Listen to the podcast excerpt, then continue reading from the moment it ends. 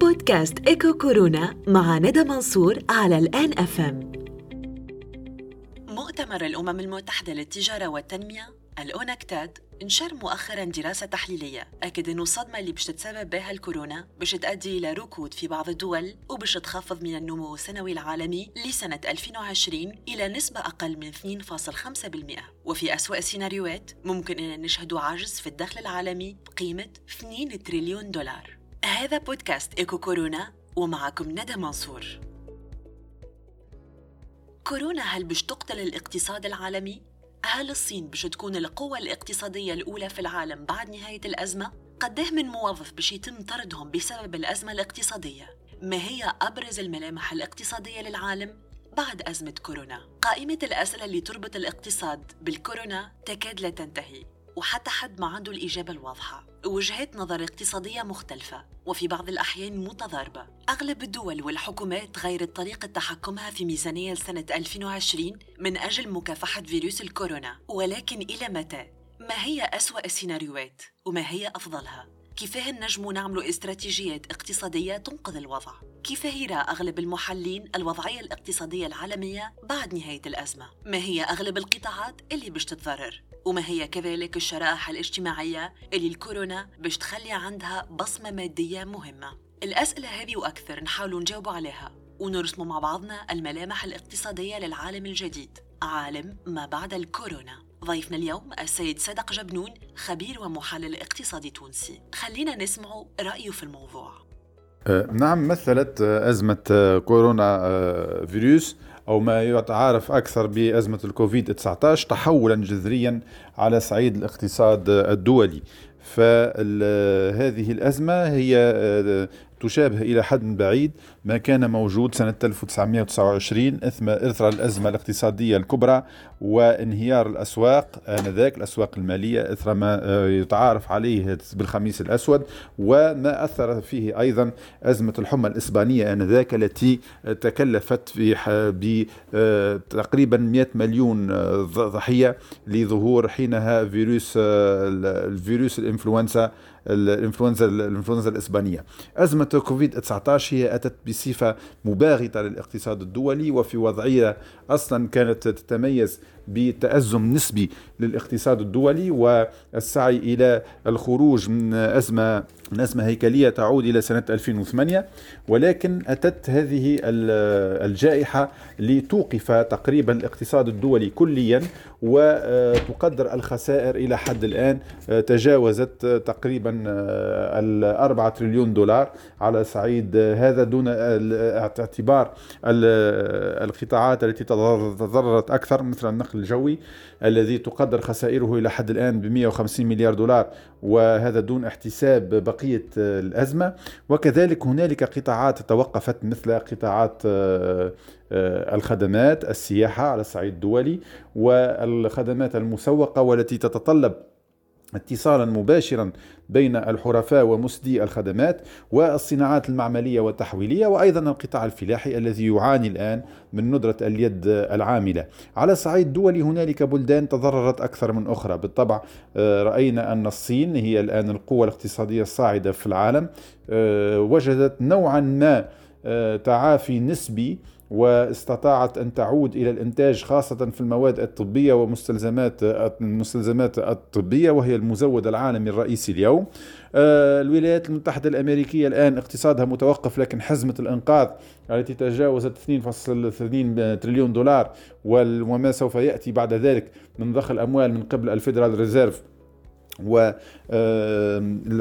وأيضا الحزمات الأخرى التي سوف تمول المؤسسات الصغرى المتوسطة لديها إمكانيات للصمود أمام هذه الأزمة أكثر من دول أخرى، اليابان مؤخرا أعطى حزمة ما يقارب تريليون دولار، الاتحاد الأوروبي بحظوظ متفاوتة بين القوى الاقتصادية الرئيسية ألمانيا التي إلى حد الآن سخرت ما يقارب 750 مليار يورو، والدول الأخرى يعني فرنسا وإيطاليا التي ما زالت متعثرة نظرا لحدة وشدة الأزمة التي تعرضت لها، وتسعى الآن إلى آه، اكتتاب قروض تضامنية ما يسمى كورونا بوند حتى تستطيع الخروج من هذه الأزمة الاقتصادية وهذا أمام رفض قوى أوروبا آه، يعني آه، الاقتصادية في الشمال نقصد ألمانيا وألمانيا والنذرلاندز ومثل هذه الدول التي آه، لا تبدي تضامنا كبيرا مع دول جنوب الاتحاد الأوروبي.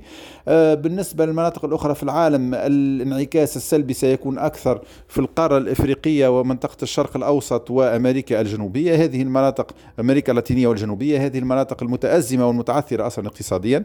ففي العالم العربي الثروة الرئيسية هي هي التصدير هي تصدير البترول. ورأينا أن الأسعار يعني تهاوت إلى حدود آه، العشرين دولار. وحتى هذا الارتفاع النسبي الآن قد لا يتواصل في خضم شدة أزمة الكوفيد 19 أي تأثير تأثير الفيروس سارس كوف 2 وأيضا لغياب بدائل اقتصادية في منطقة أصلا يعاني منها نسبة كبيرة آه، من سكانها من البطالة والفقر. لا ننسى أن منطقة الشرق الأوسط وشمال أفريقيا هي من أكثر المناطق في العالم التي تعاني البطالة والفقر وكذلك في القارة الإفريقية أين يوجد أيضا آه، إشكال غياب آه، بنية تحتية صحية متوازنة وقوية وأيضا غياب تمويل لظروف عيش آه، يعني مرضية يمكنها تواجه آه، أزمة الكورونا خاصة في بعدها الاجتماعي والاقتصادي وأيضا على الصعيد الصحي. فبالتالي هذه الأزمة آه، يعني بينت بالواضح يعني انخرام وعدم توازن النمو في العالم الذي لأول مرة قد نذهب إلى نمو سلبي على الصعيد الدولي وهو لم يلاحظ حتى في الحرب في الحرب العالمية الثانية. يعني يتوقع الآن نمو ب 1.2% إذا لم تتطور أكثر هذه الأزمة آه، في إلى حدود آه، شهور أو سنتين مثل ما يتوقع آه، خبراء الصحة يعني بنهايتها باكتشاف التلقيح وبالطبع تعميمه وتوفيره للدول الفقيرة أيضا وهذا سوف يتطلب مدة هامة وطويلة هذا إن لم نقل يعني سنوات. فلأول مرة الأزمة الاقتصادية مرهونة باكتشاف علمي يمكن من تجاوز الأزمة الصحية. بمعنى أن صور التعافي الاقتصادي إما أن يكون تعافيا قويا وسريعا مثل ما أتت هذه الأزمة قوية وسريعة ولكن هذا بشرط توفر آه، العلاج الحقيقي والفعال وتوفر أيضا التلقيح في وقت وجيز. وهذا الآن أصبح واضح أنه أمر يعني مستبعد. أو ستكون أزمة ب آه، يعني يعني بمراحل مراحل متعددة فيها تعافي نسبي ثم عودة انتشار الفيروس ثم تعافي نسبي إلى حد اكتشاف التلقيح وتعميمه على كل الدول وهذا سيتطلب يعني أيضا وقتا. بالنسبة للقطاعات القطاعات التقليدية التي تتطلب اتصال مباشرا آه، بالعمالة أو اتصال مباشر بمصدر الخدمات سوف تتضرر كثيرا. ومقابل صعود القطاعات التكنولوجية والعمل عن بعد ومؤسسات التكنولوجيا التي سوف تزداد ثراء وقوة وأيضا مؤسسات آه، التسويق عن بعد آه، التي سوف تزداد قوتها الاقتصادية وقوتها المالية مما يجعلها أيضا لاعب رئيسي حتى في القطاع الصحي على الصعيد الدولي. وهنالك دول بالطبع سوف تستفيد نظرا لأن لديها السبق على الصعيد التكنولوجي. نتحدث هنا عن الصين والولايات المتحدة الأمريكية بعض الدول الأوروبية خاصة ألمانيا ودول شمال أوروبا والدول الجديدة الصاعدة في آسيا كوريا الجنوبية الفيتنام هونغ كونغ تايوان التي تمكنت إلى حد ما من التحكم في هذه في انتشار آه، هذا الفيروس آه، وإلى حد ما آه، استطاعت أن تعيد آلتها آلتها الإنتاجية إلى العمل لكن تكون بطريقة أخرى وبأسلوب آخر. كثير من القطاعات التي فيها اتصال مباشر أو كثافة أو كثافة عمالية وبشرية سيقع تجاوزها لفائدة لفائدة لفائدة الروبوت ولفائدة التكنولوجيا الجديدة التي تمكن من نفس الوقت من توفير ظروف السلامة. المستفيد الأكبر سيكون حتما القطاع الصحي وما يحوم حوله.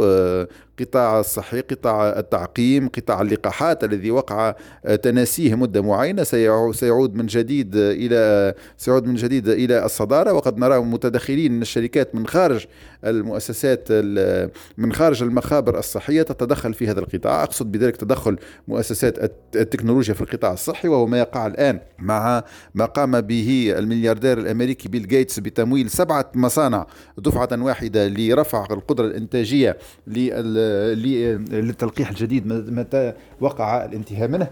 وبالتالي هذه هي القطاعات التي سوف تكون لها يعني الصدارة في المستقبل. إمكانية التعافي مثل ما قلت هي هي متعددة. أما أن يكون تعافيا قويا إذا ما وجد اللقاح والعلاج أو يكون التعافي على مراحل أو أن تستمر الأزمة إذا ما آه، استفحل هذا الفيروس آه، لا قدر الله وذهب في منحى الحمى الإسبانية التي أذكر في سنة 29 آه، خلفت 100 مليون ضحية. إذا لم يقع الإيجاد الإجابة العلمية والطبية السريعة والناجعة والفعالة والقاطعة خاصة فإن هذه الجائحة سيكون ستكون مثل ما مثل ما أتى مثل ما أتى من قبلها حمى 1920 أو 1820 أو 1720 وستكون ذات نتائج وخيمة على الاقتصاد الدولي وعلى هيكلة ظروف العمل.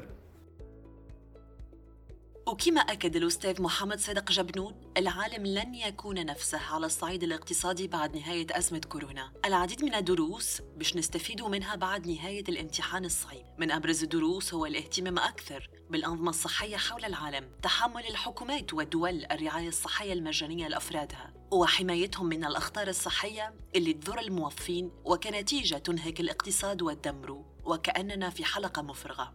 درس ثاني مهم. وهو ضرورة خلق نظام اقتصادي يخدم عامة الناس وليس الأقليات اللي تملك أكبر رؤوس الأموال. كورونا أيقظت العالم على عديد الأصعدة ولكن لعل أبرزها الاستفاقة الاقتصادية اللي دفعت الحكومات إلى الغوص مجددا في مختلف المدارس الاقتصادية. لعلها تجد إجابة تنقذ الإنسانية من الفقر والخصاصة والموت. كنت معكم ندى منصور في بودكاست إيكو كورونا على الآن أفهم الحلقة القادمة باش نتطرقوا لسؤال وموضوع آخر وهو تحديات الاقتصاد العربي خلال أزمة كورونا. على أمل اللقاء بكم في الحلقة القادمة ردوا بالكم على رواحكم وخليكم في منازلكم.